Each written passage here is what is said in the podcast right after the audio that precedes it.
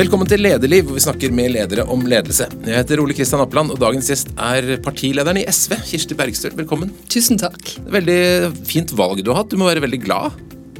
Ja, du, det er jeg jo, eh, men det er jo tosidig. Eh, fordi jeg er utrolig glad for at SV gikk frem. Vi, vi gjorde vårt beste valg på, altså lokalvalg da, eh, på, på 20 år. Men samtidig så gikk jo partiene rundt oss tilbake. Så en del plasser så ble det jo blått flertall, og det er jo ikke jeg særlig glad for. Men du har tillatt deg å liksom være litt glad? Ja, men det har jeg jo. Jeg er jo utrolig stolt på vegne av det laget vårt. Sant? Alle kandidatene våre og aktivistene som har stått på morgen og kveld for å få frem hva som står på spill ved, ved dette valget. Og så Eh, er jo utrolig glad for fremgang. Eh, så det kan man jo ikke liksom la være eh, å glede seg over. Men det er jo resultatene som teller. Så uten Jeg driver jo ikke med politikk for å liksom være meg sjøl nok, men for å bygge opp sterke fellesskap, gjøre en forskjell i lokalsamfunnet og i, i, i, i samfunnet vårt. Så Derfor så er det jo alltid eh, hyggelig når det, vi har gode valg. Det betyr noen ting. Eh, og det betyr et godt grunnlag for å bli sterkere ved neste valg. Men det er jo likevel eh, Man trenger jo noen å, være i lag med for å få til ting. da. Hva er din analyse av hvorfor det gikk så bra? Jeg tror det handler om flere ting. Um, det, jeg, jeg, har tenkt mye på hvorfor ikke det er bedre, da. Det, det, er jo fort at man gjør det. Men jeg tror det handler om at vi er tydelige. Jeg tror de fleste har fått med seg at det vi jobber for nå, det handler om liksom miljøfordeling. Eh, og ulike saker og kamper innenfor der. Eh, men, men liksom, jeg tror sommeren vi har bak oss nå, både det vi har erfart i eget land og uh, sett i, i, ute i verden med skogbranner med ekstreme ekstremværet, og også det været vi har kjent på her, har gjort at flere skjønner at klimaendringene er her. Vi er nødt til å få ned utslippene, og også på en måte som tar vare på naturen. Mm.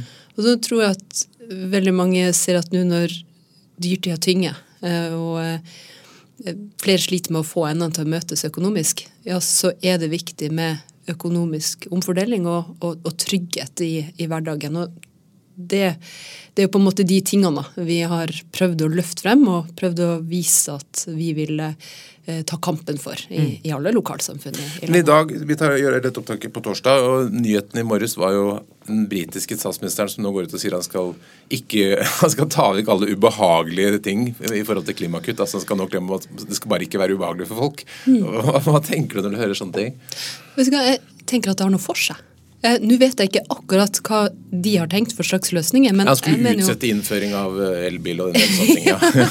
da tror jeg at det, man bør heller tenke sånn hvordan kan vi gjøre innføring av elbil litt mm. mer behagelig for folk enn å tenke at man skal utsette det.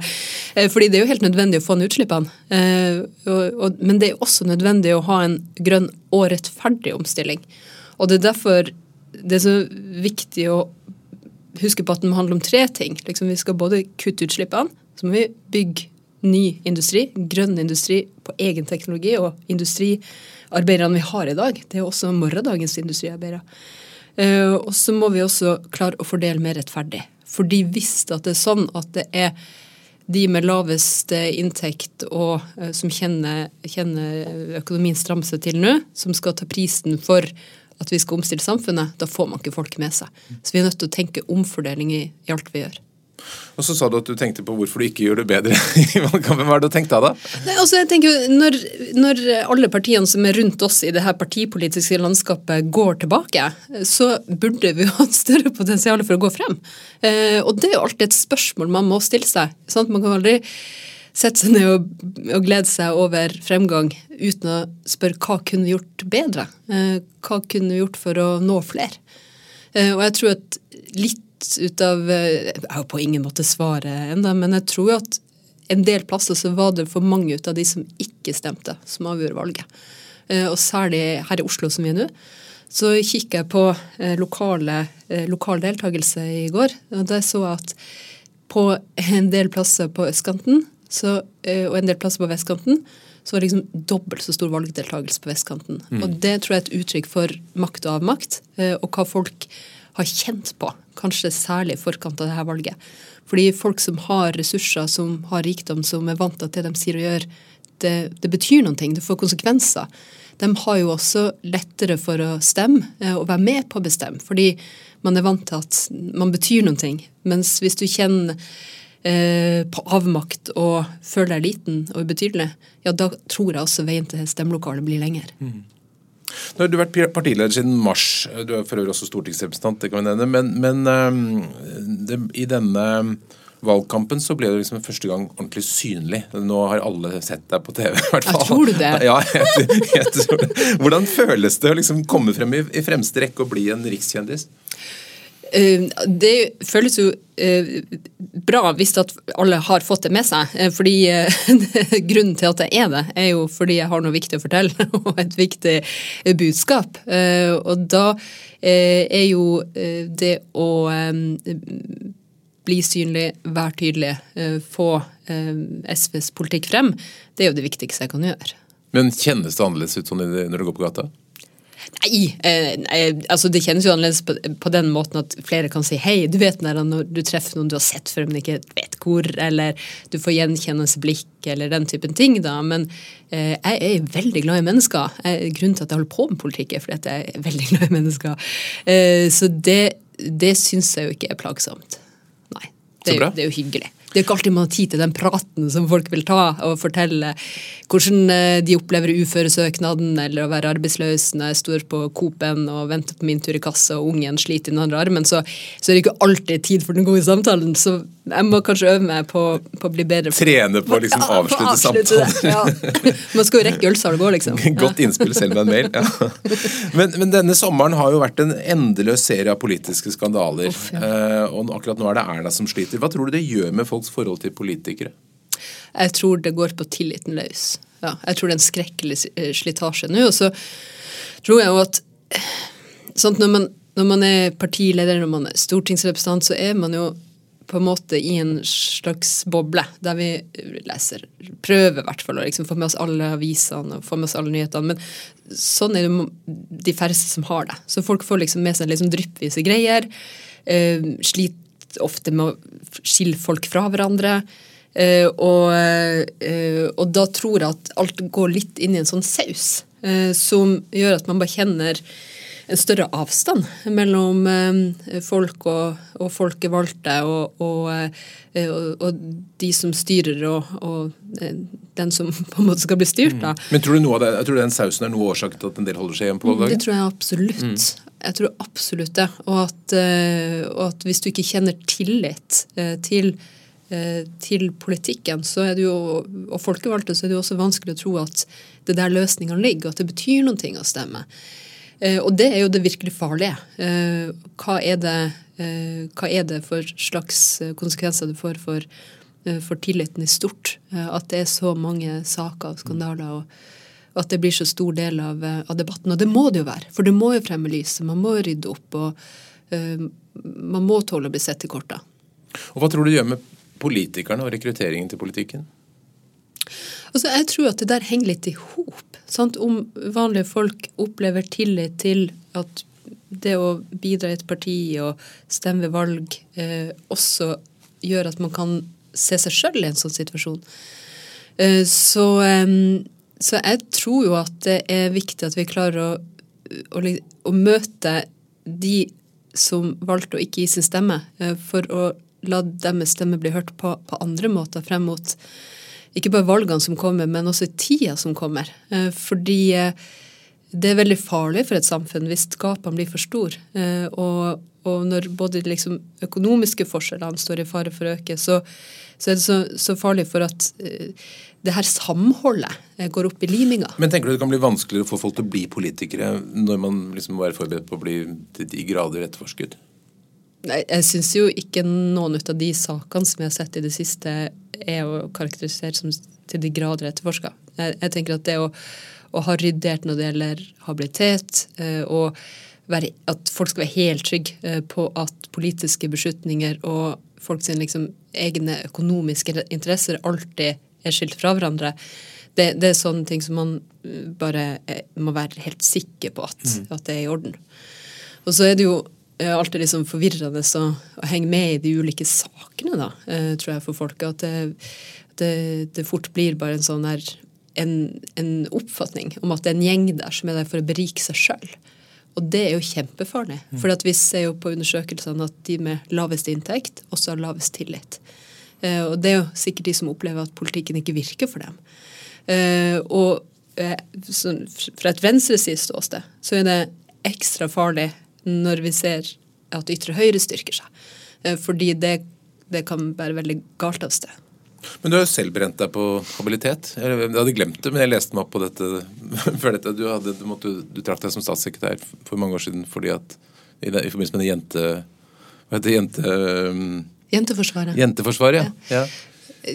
Ja, jeg brant meg ikke på habilitet. Eh, fordi det var jo eh, to sider da. Mm. sant? Det her eh, var jo vi hadde fått gjennomslag at vi skulle ha en tildeling til, til feministisk selvforsvar.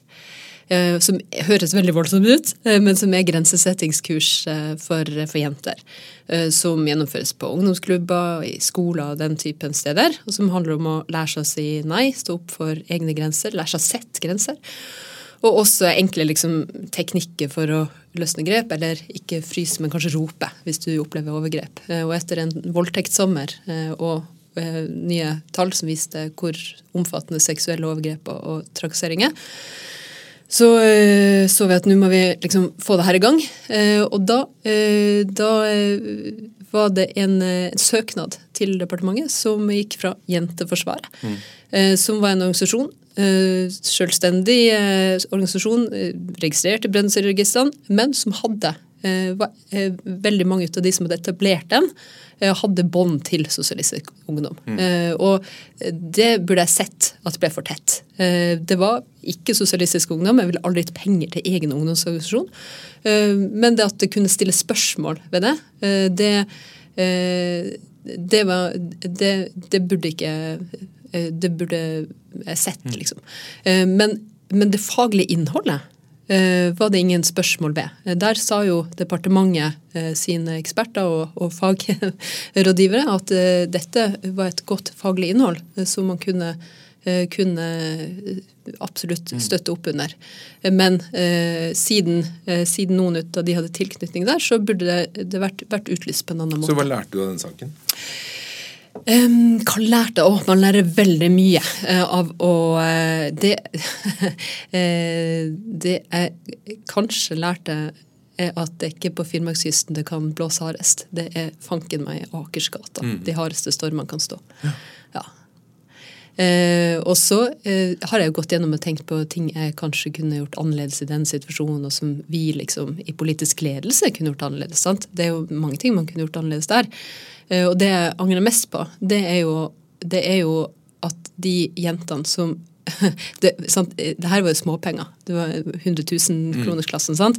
Eh, og at de, de jentene som brukte all sin fritid på å reise rundt, bo på uh, sofaen til folk, sove i gymsaler for å lære andre jenter å stå opp for seg sjøl, uh, de burde aldri blitt utsatt for det de opplevde.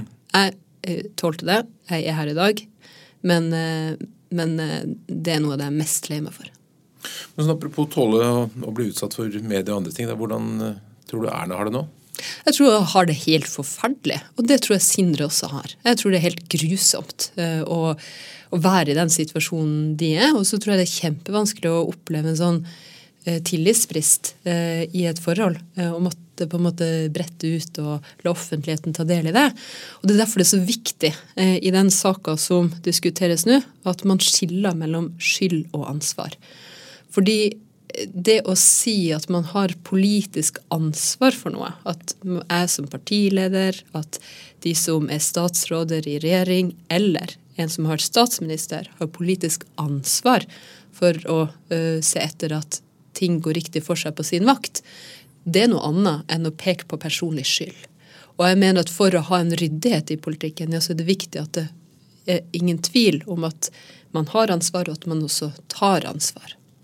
Hvis hun nå tenker at uh, hun på en måte får gjort opp med, med, Sindre, og Høyre vil ha henne som uh, statsministerkandidat, og folket vil ha henne som statsminister, så tenker du at det er greit? Jeg tenker at det er mange ubesvarte spørsmål der. Uh, og noen av de ubesvarte spørsmålene er jo knytta til habilitet. Sant? Og omfanget av saker der eh, Erna Solberg potensielt har vært inhabil mens hun har vært landets statsminister pga. mannens aksjehandler.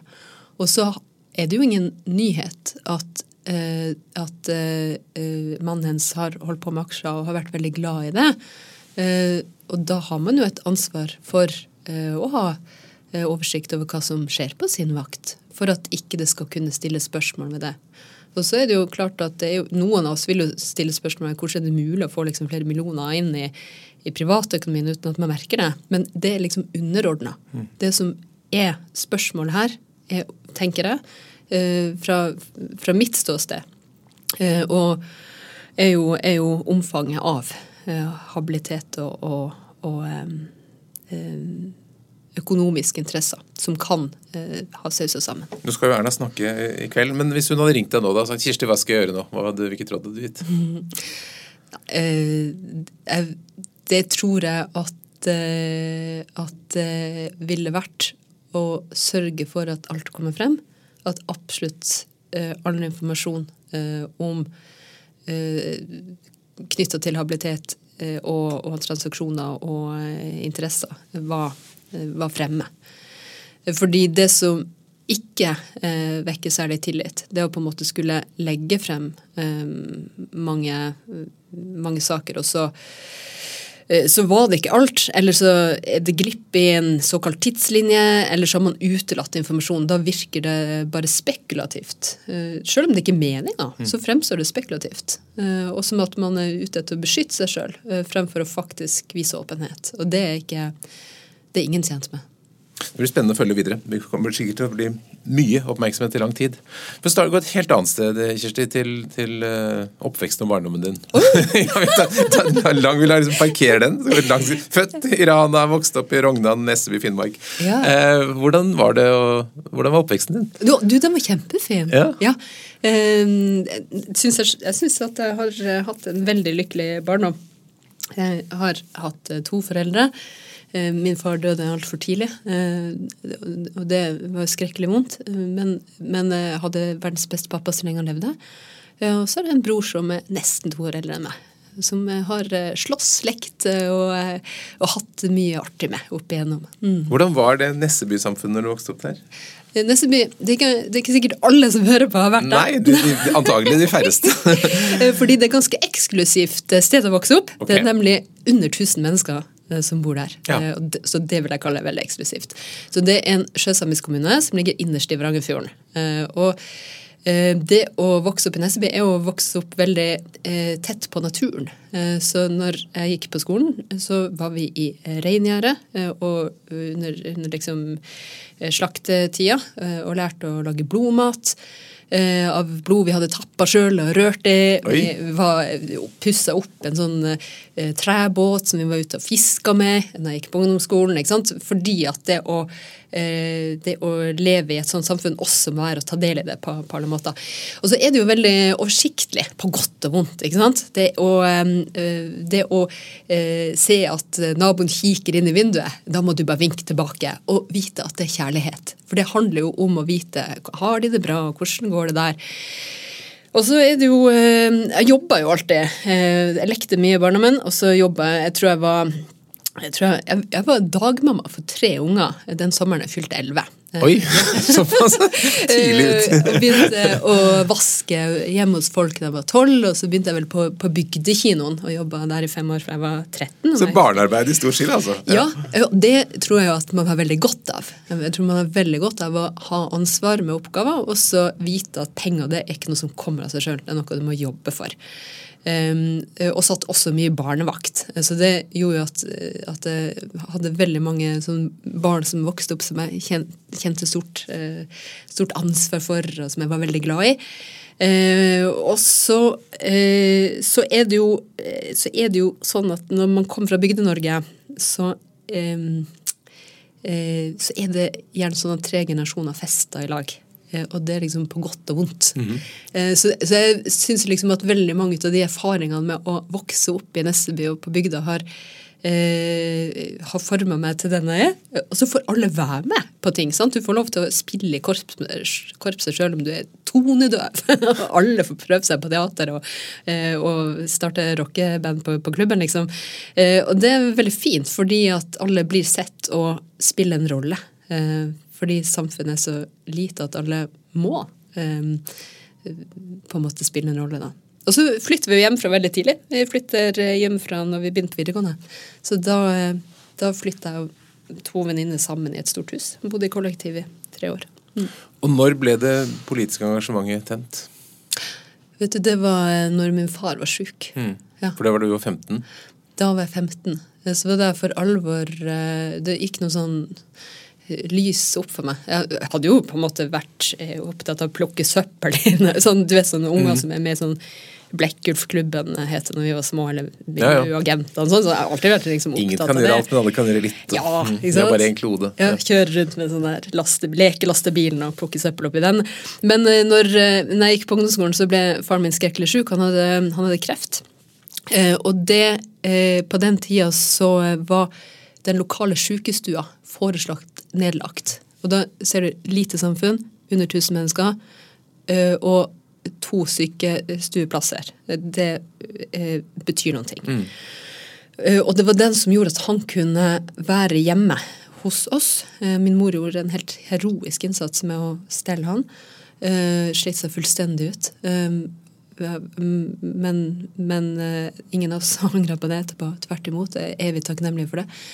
Uh, og da kunne han være hjemme hos oss istedenfor på sykehus langt borte. For sykehusene er langt borte. Ja, for Hvor langt hadde neste sted vært? Altså Det hadde jo enten vært Kirkenes som er tolv mil, eller Tromsø, uh, som jo er veldig langt unna. Mm. Uh, så, så, det å kunne være sammen i det daglige og ha samtalene om, om livet, om hva som kommer etterpå, alle de tingene som du aldri får snakke om igjen, det gjør noe med en sånn tid.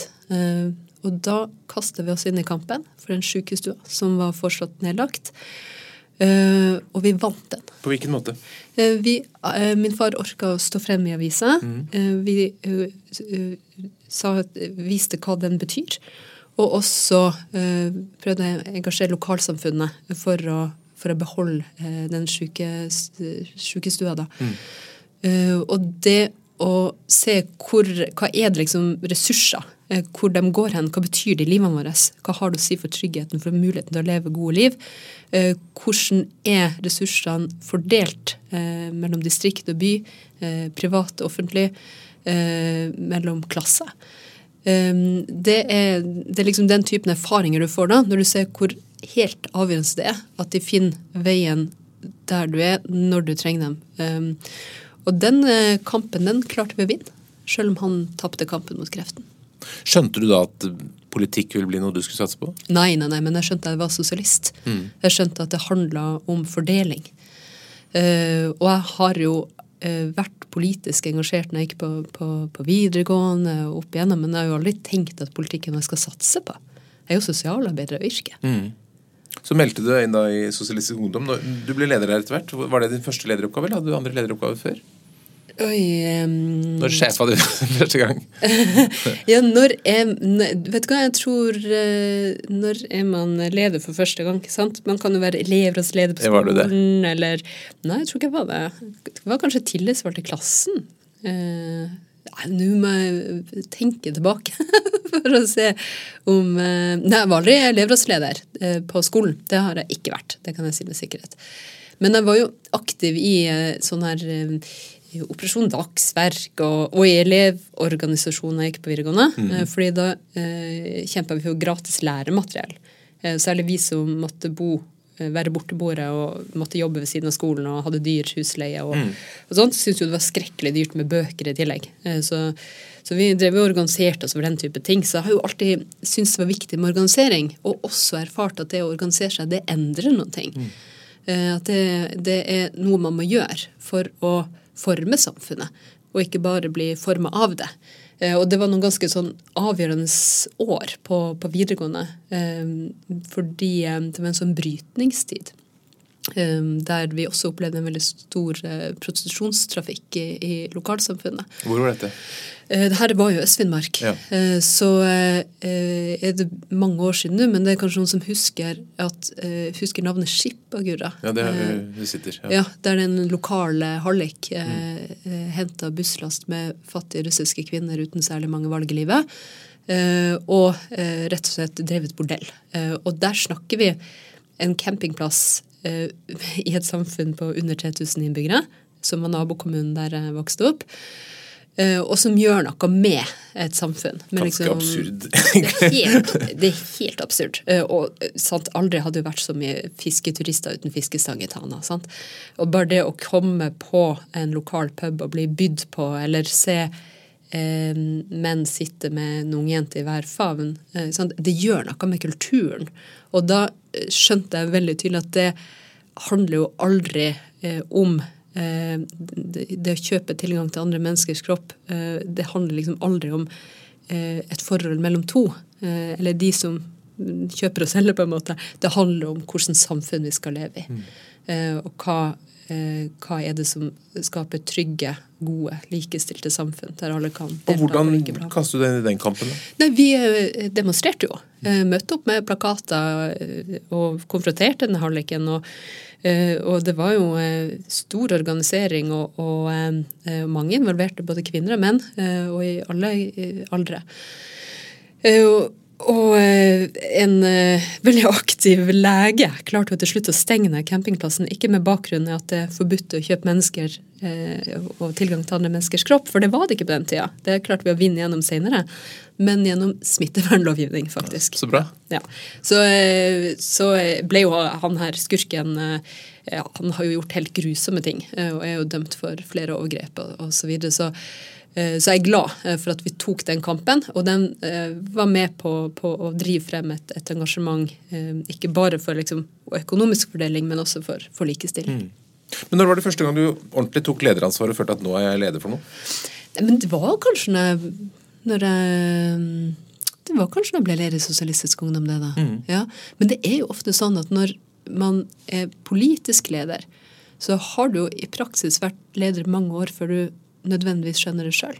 Og det er derfor det er så viktig å forstå den autoriteten eh, som ligger i lederskap, og den tilliten som er så skjør, og som lederskapet hviler på. Og utgangspunktet for god ledelse er vel en vilje, som du er inne på? Altså det å ville noe? Ja, ja må, jeg har jo aldri tenkt at det er et mål å lede, men jeg eh, er jo veldig mange politiske mål mm. som gjør det nødvendig eh, å lede. Og det tror jeg kanskje kan, kan eh, være forskjell, for det lederskapet er jo så mye. Ikke sant? Ut fra hvor du eh, engasjert deg, hvor du har faget ditt eh, og sånt. Jeg har jo vært leder på, i arbeidslivet òg.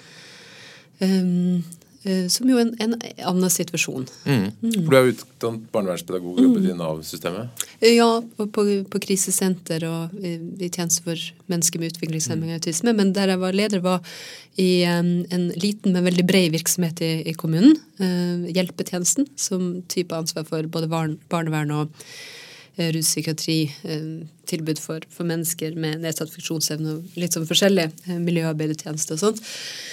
Og som, som, var en veldig, veldig Eh, fin, eh, fin, tid, men også veldig skvis. Mm. For sånne mellomlederposisjoner er alltid veldig i skvis. Særlig når det er litt ressurser, og det er jo alltid. Ikke sant? Men hva opplever du forskjellen mellom å være da, mellomleder i arbeidslivet og det å være leder i en politisk bevegelse? Men man jobber jo etter veldig andre mål og, og, retninger.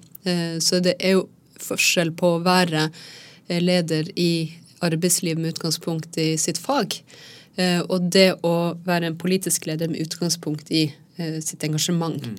Um, fordi um, du leder jo også helt andre uh, typer grupper. Um, ja, det er veldig stor forskjell. Litt, litt ulik motivasjon for å delta, kanskje noen ganger. Ja.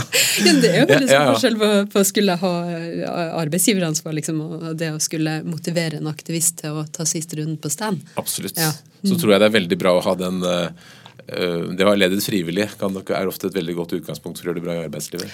Ja, og omvendt. Mm. Fordi jeg tror at det å liksom ha en fagbakgrunn, ha erfaring på arbeidslivet, eh, også gjør deg tryggere som politisk leder. Og så tror jeg at det er bra, fordi da blir på en måte ikke politikk faget ditt. Jeg har min fagbakgrunn, jeg har noe å gå eh, tilbake til. Det vil være eh, ikke et nederlag, men, men, en glede den dagen jeg skal gjøre det. Eh, fordi det er fort gjort at man blir avhengig av eh, kontaktene, av politikken, av vervene og det å være folkevalgt. Og mm. det vil jeg aldri være. Har du noen idé om hvor mange av stortingsrepresentantene som har hatt en jobb? Nei, nei, og det, det, det, vet jeg ikke, vet du. Nei, det har vært interessant å visst. Jeg, vet, jeg vil tro at det blir færre og færre, i hvert fall. jeg tror de fleste har hatt jobb i en annen forstand. ja. Men det jeg ikke har lyst til å moralisere over eller peke negativt på, det er jo de som har fått tillit i veldig ung alder. Mm. Eh, fordi vi trenger det òg. Og jeg reagerer hver gang jeg hører de omtalt som broilere eller den typen ting. Det er ingenting i veien for at noen pga. måten de har utmerka seg på, jobba på og, og får, får tillit i ung alder og skal ha like stor respekt for den som folk som har kommet uh, i, i, eh, etter mange uh, flere år bak seg mm. i politikken. Men etter hvert da, som du fikk et mer, mer bevisst forhold til uh, at du var leder, har du noen tanker liksom, hvordan du skulle være? Har du tenkt ja. ut en slags lederstil? Og, ikke stil, men det er noen sånne leveregler Ikke leveregler, det er voldsomt å si, men noen sånne regler for lederskap, da. Mm. Eh, som eh, også altså, Da jeg var eh, i Sosialistisk Ungdom, som innførte Det er jo ikke et språk jeg ville brukt i SV, men, men da innførte jeg regelen Og ikke fordi det var et problem, men det handler om bevisstgjøring. At det ikke er lov å pule nedover. Mm. og det handler jo om en eh, bevisstgjøring Fordi alle er jo ledere, sant? Det er ungt lederskap i lokallag, fylkeslag, sentralstyre, eh, landsstyre. Eh, og sånn er det jo i alle ungdomsorganisasjoner. Så hvis ikke man har bevisst forhold til det, på at du kan få veldig positiv oppmerksomhet pga. din posisjon, som ikke alltid handler om din person, mm. så kan det gå litt galt av sted. Og det har vi jo sett i politikken, metoo, Eh, at det har vært kulturer en del plasser som, eh, som innebærer at noen eh, kanskje ikke har evne å skille på det, eller i andre tilfeller kanskje bevisst har benytta seg av det. Jeg tror det er et råd som de fleste ledere burde lytte til. Eller alle. Ja. Det, ja, det tror jeg liksom, og det tror jeg, hvis du har den i deg, mm. så tar du den jo med deg uansett hvor du er, og mm. uansett hvor du utøver ditt lederskap. Og at du fremhever den kulturen. At her skal vi um, ja, her skal vi jobbe med, med å skille på det. Hadde du flere regler? Ja. var det den eneste? Ja, eh, nei, det var det. Var det. Eh, det var flere regler. Helt vanskelig å kalle det regler, men litt sånn eh, ting som er viktig. Og det andre er jo at ingen er god på alt. Derfor så er det viktig å la folk bli gode rundt deg. Så nå når jeg leder i SV, så har jeg like stor glede av å ha de som er i fagkomiteen på Stortinget, og som ute og snakker for sine felt, som at jeg skal på en måte eh, trone alle debatter eller ha alle oppslag. For det er viktig å bygge lag. Veldig viktig eh, å vise at eh, et fellesskap er mer enn en på toppen. Så det å liksom ha La folk liksom vokse. Du vet, under det største treet i skogen kan ingenting gro.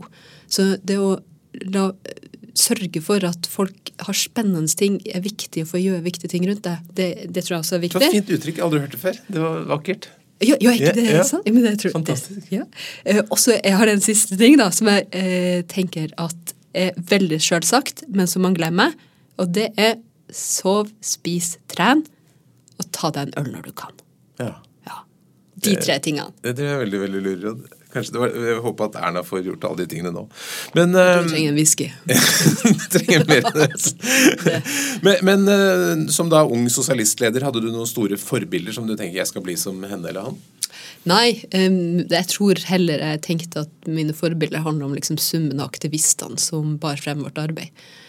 Ja, jeg, jeg har for vane å ikke det er vanskelig liksom å se sånn 'dette forbildet, sånn vil jeg bli', men det er jo alltid mennesker du har sett opp til, beundra, og som har forma deg som person. Men det er ikke nødvendigvis politiske ledere. Så for min del så er det mormora mi mm. og Maradona. Eh, ikke sant? Fotballspilleren som bare kunne, kunne, kunne danse. Jeg husker når Mormor og Maradona, det er veldig bra. Ja. ja. Det, er liksom, det er sånn storheter som du bare har egne plass, hjerte for. Mm. Jeg trodde lenge at Maradona hadde en diamant i handa si. Husker du liksom uttrykket 'Guds hånd'? Mm. Ja. Så jeg, jeg, jeg hadde sånn mentalt bilde da jeg var barn, at han hadde en fysisk diamant i handa. Maradona er kjent med hva med mormor? Hva var, det, hva, var det, hva var bra med henne? Vet du hva, hun, eh, Vi kunne kanskje ikke stått lenger unna hverandre politisk. og Jeg husker hun en gang var så glad for at jeg ikke hadde samme etternavn fordi at, eh, fordi at jeg var sosialist. Men du verden for et menneske. Tenk, hun, hun, har fått ti, hun fikk ti barn. Eh, hun, hun var fengsla under krigen. Hun slapp ut for å føde. Eh, mannen var, eh, Min bestefar måtte stikke av gårde til Sverige, motstandsmann. Eh, og var jo dobbeltarbeidende. Eh, det er bare et helt sånn vilt kvinneliv. Før vaskemaskinen, før oppvaskmaskinen. Eh, og det å, det å liksom ha den, den De evnene og egenskapene og stå-på-viljen og hjertet og kokkekunstene? Det er bare liksom Det er så uendelig svært å romme så mye som menneske at man blir helt sånn lamslått av beundring. Så bra. Ja. Hun var sikkert stolt av deg. Hun var nok det, eh, selv om eh, hun helst skulle sett at jeg kanskje tilhørte eh, et annet parti, da. Det er vel ikke så Det, det, det, toget har vel gått, tror jeg. Um. Det har det, men det er jo det som er så fint med familie, at man kan elske hverandre ubetinga. Mm. Og det er viktig å ha noen sånne. Mm, absolutt. En viktig del av eh, jobben din da, som politisk leder er jo å holde taler. Nå vet jeg at du skal holde tale for, for landsstyret. Fortell litt hvordan du jobber med det. For det, talekunsten er jo, dyrkes jo mer i politikken enn det gjør i, i næringslivet f.eks. Ja, For du tenker at den dyrkes? Ja, jeg opplever at det legges mye arbeid i veldig mange politiske taler. Ja, ja altså det tar Jeg håper du har forberedt deg altså. litt grann til talen din. Vet du hva, det er, det er uh, undervurdert hvor lang tid det tar å skrive en tale. Uh, og det er jo noe jeg sjøl alltid undervurderer. Så jeg tror ikke det har vært en eneste natt til 1. mai der jeg ikke har liksom sittet oppe mer eller mindre hele natta og gjort den ferdig. For det er liksom, det er sånne taler som som er kjempeviktig. Eh, og som, da får det heller bli et par, par timers søvn eh, for at det skal sitte. Eh, Nå skal ikke eh, jobbe, ha så høye krav eh, til, eh, til talene til landsstyret, men det er jo en viktig tale, for det er den første etter valget. Og vi samles, og, det er eh, en avgjørende høst. eh, se, så det handler om liksom å se litt tilbake. Eh, litt vi nå? Og så se fremover eh, mot eh, både en avgjørende høst. Vi skal inn i krevende budsjettforhandlinger med regjeringspartiene. Vi har noen ting vi må få på plass der. Mm. både for miljø og fordeling. For å drive frem reformene vi har starta på. Både tannhelsereform og SFO. Og også se enda videre frem mot 2025. Så måten jeg forbereder meg på da, det er jo å prøve å liksom lage noen stikkord for meg sjøl, og rett og slett skrive det ut. Og det tar jo veldig lang tid. Gjør du alt selv, eller har du rådgiver og sånn som hjelper deg da? Eh, Ja, i all hovedsak så skriver jeg tallene mine sjøl.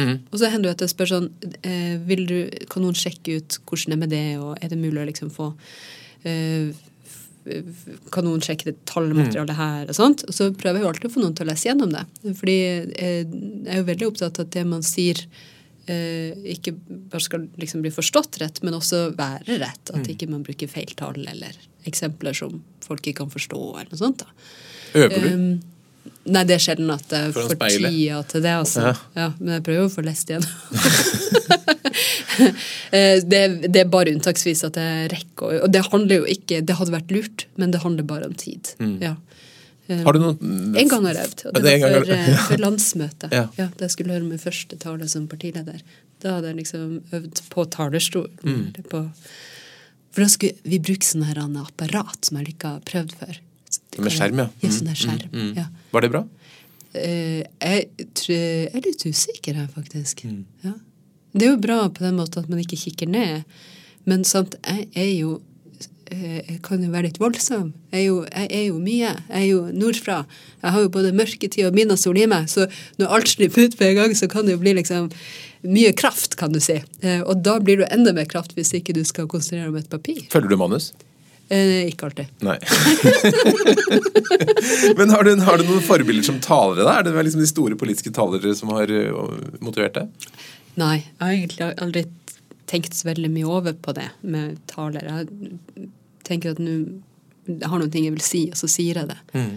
Men du får jo ros av flere for at din gode formuleringsevne og litt friske uttalelser. Jeg har jo noen års erfaring på det her, og så hender det jo at vi øver. Sant? Vi prøver alltid å øve uh, på, eh, på det når vi har valgkampsamlinger og sånt.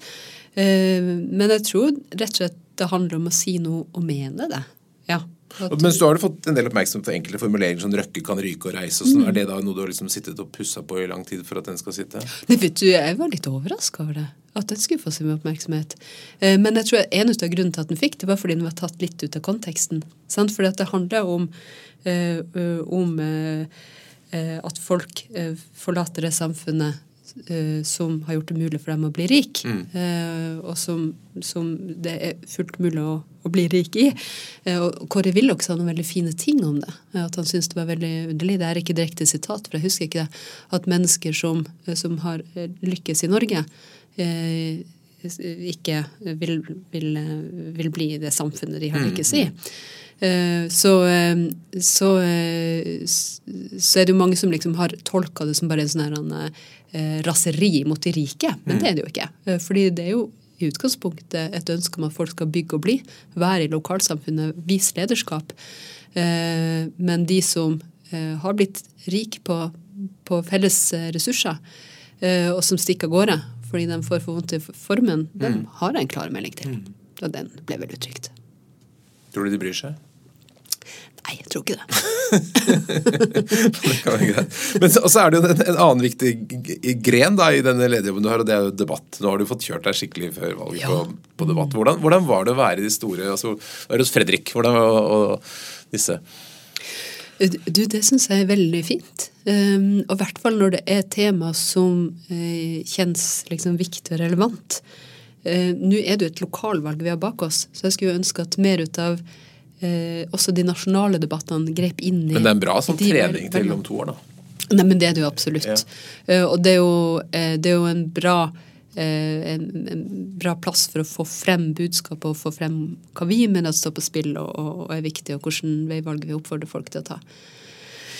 Så det er jo eh, altså det er alltid frustrerende det her med å liksom få nok taletid. Får man snakka nok? Får man brutt gjennom? ikke sant? Um, Hvordan forbereder du deg?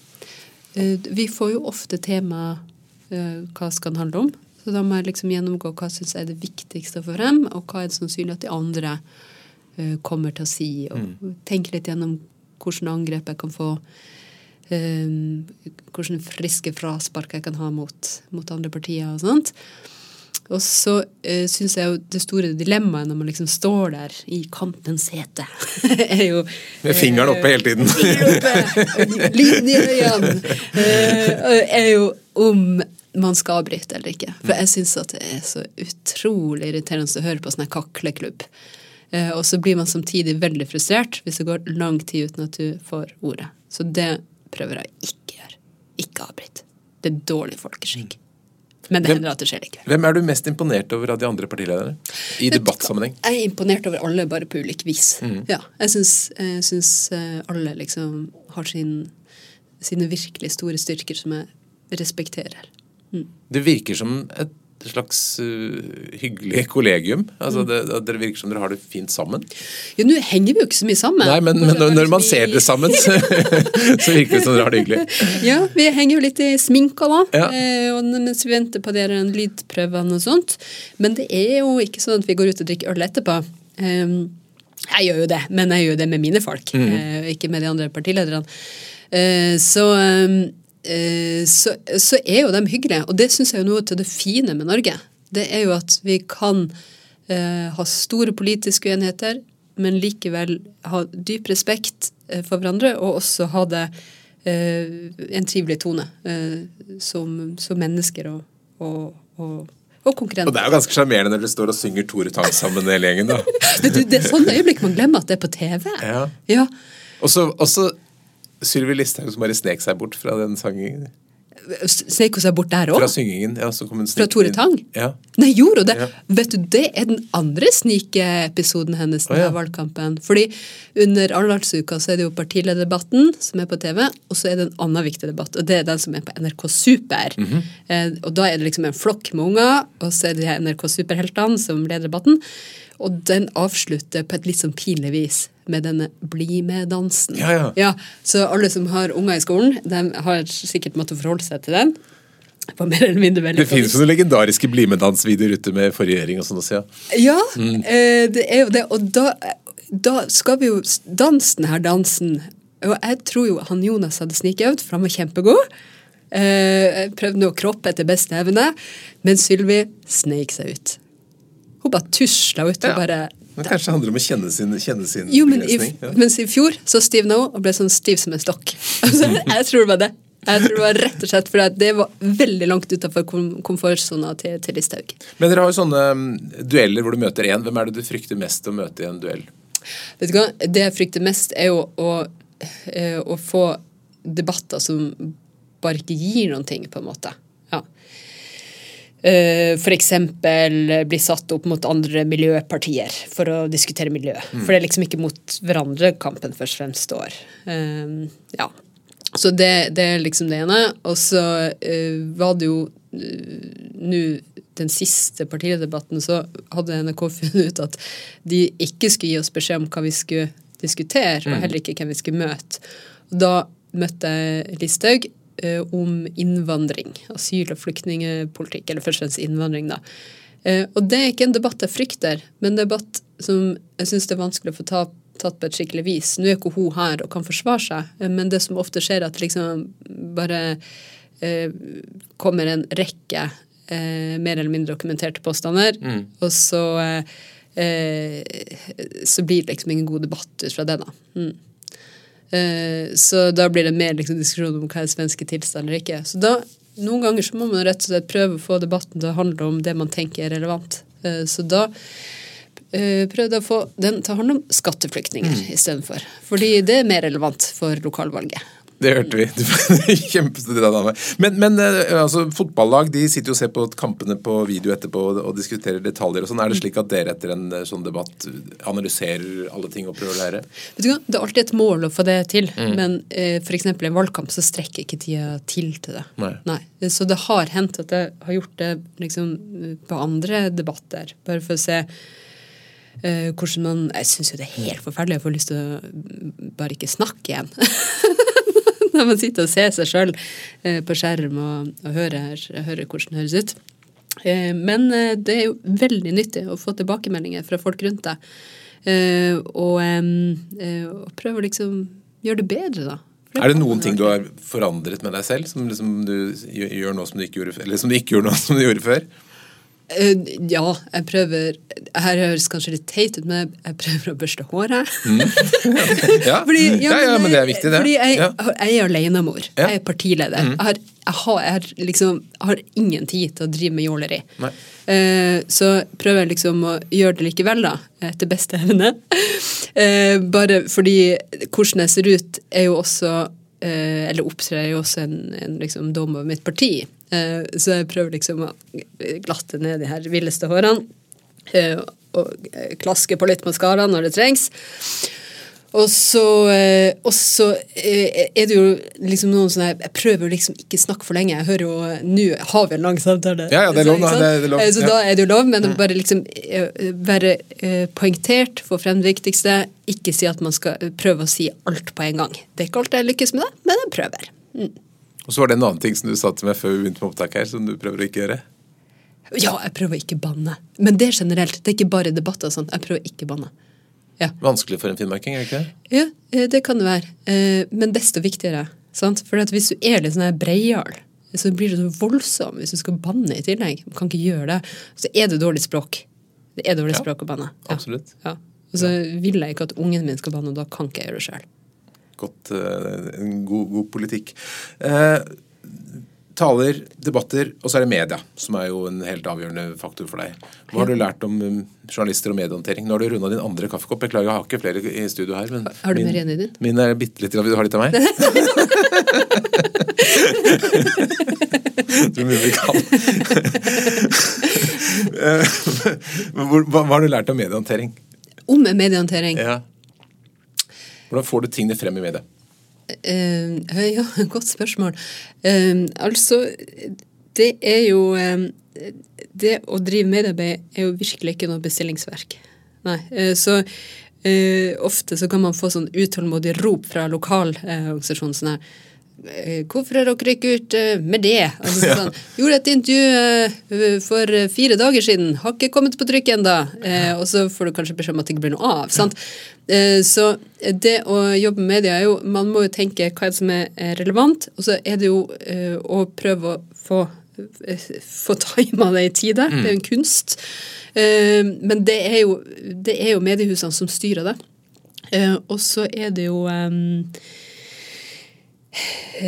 så er det jo det å ha eh, folk rundt seg. Der er det veldig viktig at du liksom har folk rundt deg til mm. å kunne håndtere det. Eh, den første kontakten med om saker og mm. sånt, sånn at ikke du plutselig er et intervjusituasjon som du ikke aner hva skal handle om. og sånt. Jobber du da også med spissformuleringer på forhånd for å tenke at dette skal bli en overskrift? Ja, eller Først og fremst tydelige formuleringer, da. sant? Fordi jeg tenker at det å være mest mulig på og kommentere mest mulig ting ikke er et mål. Når eh, vi går ut med noe, så skal det være noe fordi at det er relevant. Det er viktig. Mm. Eh, og, og, det jeg, jeg, har ikke et mål om å være en sånn kommentator som, eh, som kommenterer alle mulige handlinger som andre har gjort eller eh, synsing og sånt. Jeg tenker at jeg er politisk leder. Mm. Når jeg sier noe, så skal det være fordi at det er liksom relevant viktig eh, for samfunnet og for folk. Eh, så Så ja. Men Hvor viktig er det i en valgkamp for eksempel, å komme gjennom med noen skikkelige saker i media? Kjempeviktig. Mm. ja. Og så er det jo ofte veldig vanskelig å få til. Sånn som nå, så er jo alle, alle journalister veldig sånn opphengt i én ting, og sånn er det jo. ikke Det jo selv om vi har mange mediehus og mange aviser, og sånt, så løper jo folk innmari i flokk. Og nå er alle eh, styrt mot liksom, habilitet, eh, Høyre, eh, Erna Sindre. Og da kan man jo egentlig bare droppe og løfte opp andre gode debatter. Mm. Da må du vente.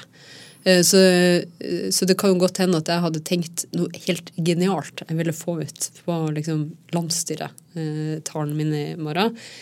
Den skal være ganske for å nå opp nå. Da kan det hende at jeg skal vente med det. Mm. Ja, For timing har jo mye å si. Timing og tydelighet mm. har jo alt å si. Har som jeg skulle sagt selv, det blir kommunikasjonsbyrå. Kunne du tenkt deg å jobbe til kommunikasjonsbyrå, eller hadde det vært en bra jobb for deg? jeg tror jeg skal holde meg til å være sosialarbeider. når trives du best som leder? Eh, når jeg er ute i, i, i, i lokalsamfunnet. Når jeg er ute på reise. Da syns jeg, da, da synes jeg det er helt fantastisk. Liksom. Litt sånn vedumsk når du drikker kaffe med folk, vanlige folk? Ja, jeg mm. tror heldigvis jeg har en patent på den, da. jeg, tror, jeg, tror, jo at veldig mange syns det er fint. Eh, fordi det er så det er, sant, For å gjøre en god jobb på Stortinget, så må du ut av Stortinget. Uh, og det å være ute og snakke med våre folkevalgte, med, eh, med, på, være på arbeidsplassbesøk og treffe liksom eh, få innspill, snakke med menneskemøter. Menneskemøter er jo noe av det som former meg mest. Eh, det det syns jeg er veldig fint. Og så forplikter det jo, sant? Fordi jeg har makta til å ta det med. Og det er også grunnen til at de forteller meg sine historier. Eh, så det er jo eh, eh veldig eh, da, da, det syns jeg er veldig meningsfullt. Mm. Det er jo en veldig meningsfull tid å jobbe med politisk arbeid nå. Eh, i behovet for en grønn og rettferdig omstilling, i behovet for eh, kamp mot fattigdom, forskjeller og forsterke fellesskap. Så det å, eh, det å liksom være ute og få laget med på det arbeidet, det er noe av det fineste jeg gjør. Har du gjort noen ordentlig dumme ting sånn ledelsesmessig som du tenker at det, da var jeg en dårlig leder? Um, ja, altså jeg tror kanskje jeg har gjort flere sånne småting, mer enn uh, mer enn liksom én stor dum ting. Mm. Det er alltid noen sånne småting der du tenker sånn Oi, uh, her uh, uttrykte jeg meg kanskje på en måte som gjorde at, at det ble feil. eller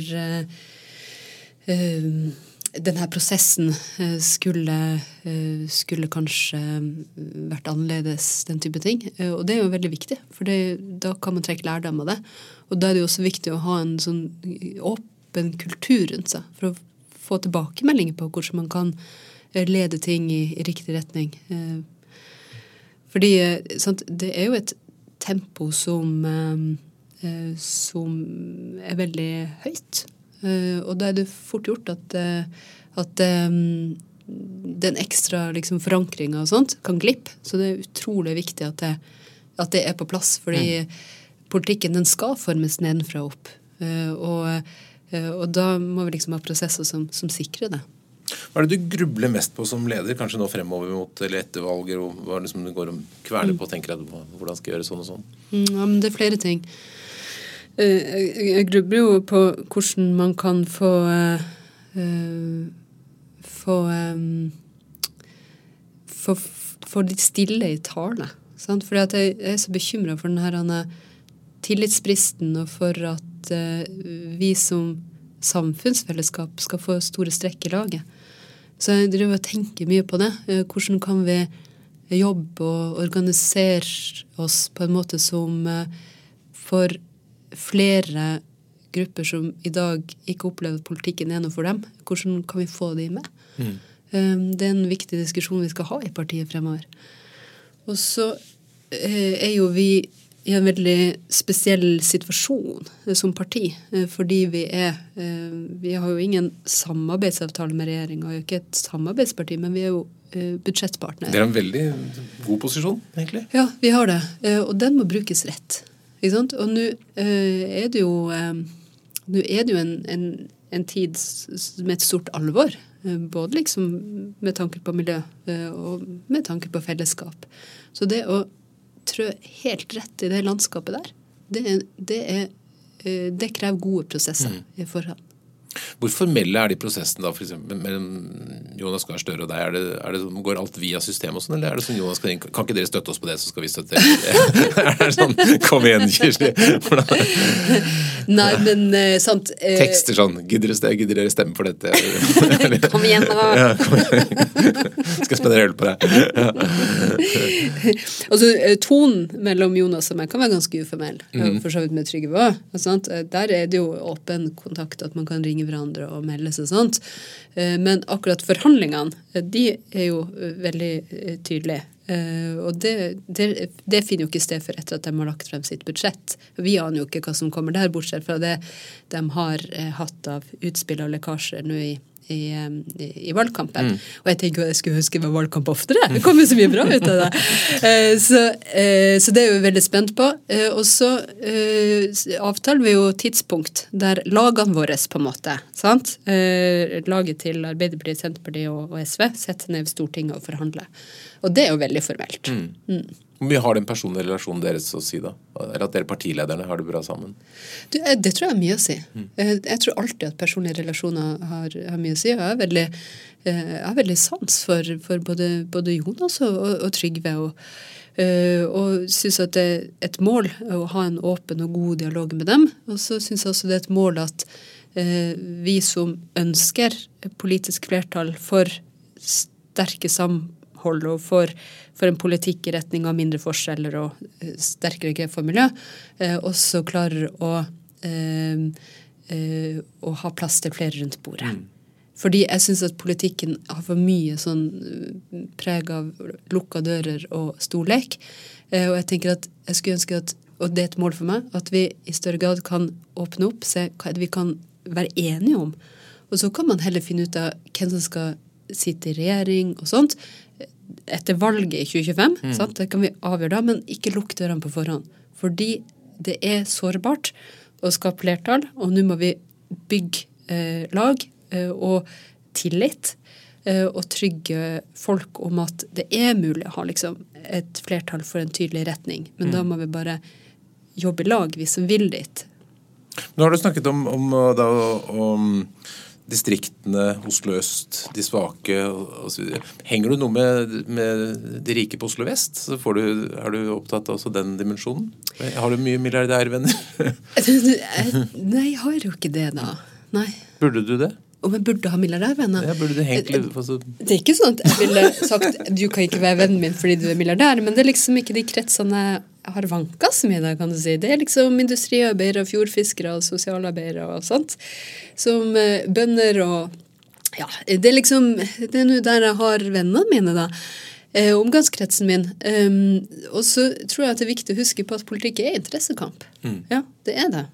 Uh, og det skal være tydelig på hvilke interesser det fremmer eh, som, som sosialist og som sosialistleder. Uh, og det skal også de på Oslo vest vite. Eh, de skal vite at jeg kommer til å forsvare deres eh, barnetrygd og rett til sykehus for ungene sine. At også de skal ha gratis eh, AKS eller SFO.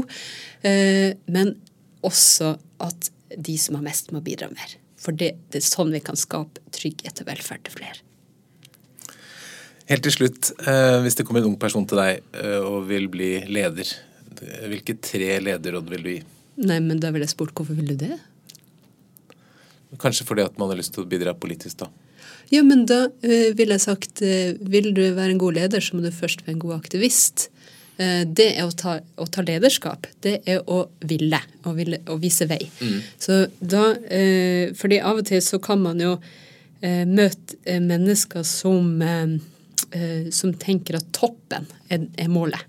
Mens jeg tror at det å det å Eh, liksom ha en djup forankring av de politiske målene, eh, gjør at noen av oss på en måte ender der, da, eh, uten at det har vært et mål i starten. Så jeg tror at jeg ville starta med å snakke om de andre målene før, før vi kom inn på lederskap. liksom. Hva, Gi et lederråd, da, hvis det kommer en ung som sier nå er jeg blitt leder i SU, da, f.eks. En som har blitt leder, en ja, som har fått ja. tilliten, en som har blitt lokallagsleder eller, eller noe sånt. Eh, da ville jeg sagt eh, se menneskene rundt deg, eh, og, og sørg for å, involvere dem. For det fellesskapet som, som, som ut, Altså, vi utgjøres jo av et fellesskap. Mm. Gode råd. Kirsti Bergstø, tusen takk for at du kom til Lederliv. Du, det var kjempefint å være her. Takk for kaffen og praten.